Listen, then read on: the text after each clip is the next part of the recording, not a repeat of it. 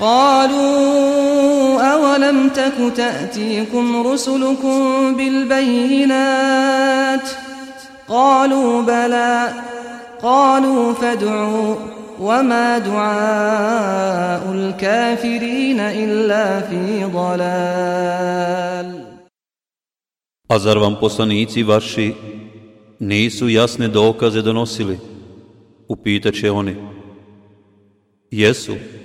odgovorit će Molite onda vi, reći će oni, ali će molba oni koji nisu vjerovali uzaludna biti. Kazivanje o Hanzali, alaihisselam.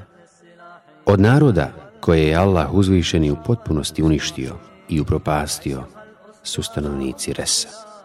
Uzvišeni Allah kaže Jadu i Semudu i stanovnicima Resa i mnogim generacijama između njih. Svima smo primjere navodili i sve smo potpuno uništili.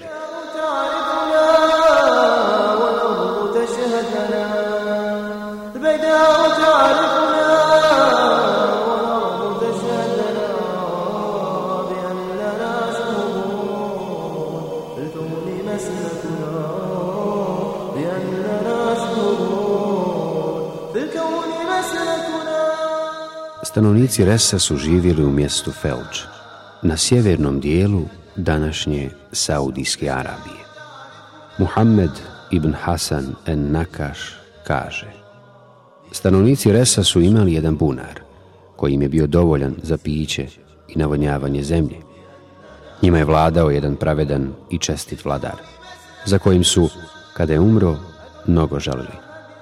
Nekoliko dana nakon njegove smrti, šeitan im se pokazao u njegovom liku i rekao Ja nisam umro, nego sam se od vas bio malo povukao, da vidim kako ćete postupati. Oni su se tome puno obradovali, a onda im je naredio da između njega i sebe postave zastor, pa neće nikada umrijeti. Mnogi od njih su to povjerovali, podlegli iskušenju i počeli ga obožavati. Tada im je Allah uzvišeni poslao vjerovjesnika, koji im je objasnio da im iza zastora govori šeitan, zabranjujući im da ga obožavaju i naređujući im da obožavaju samo Allaha uzvišenog, koji nema sudruga. hejli kaže, njemu je objava dolazila u snu, a ime mu je bilo Hanzala ibn Safuan. Napali su ga, ubili i bacili u bunar. Nakon toga bunar je presušio, pa su patili zbog žeđi, nakon što je vode bilo u izobilju.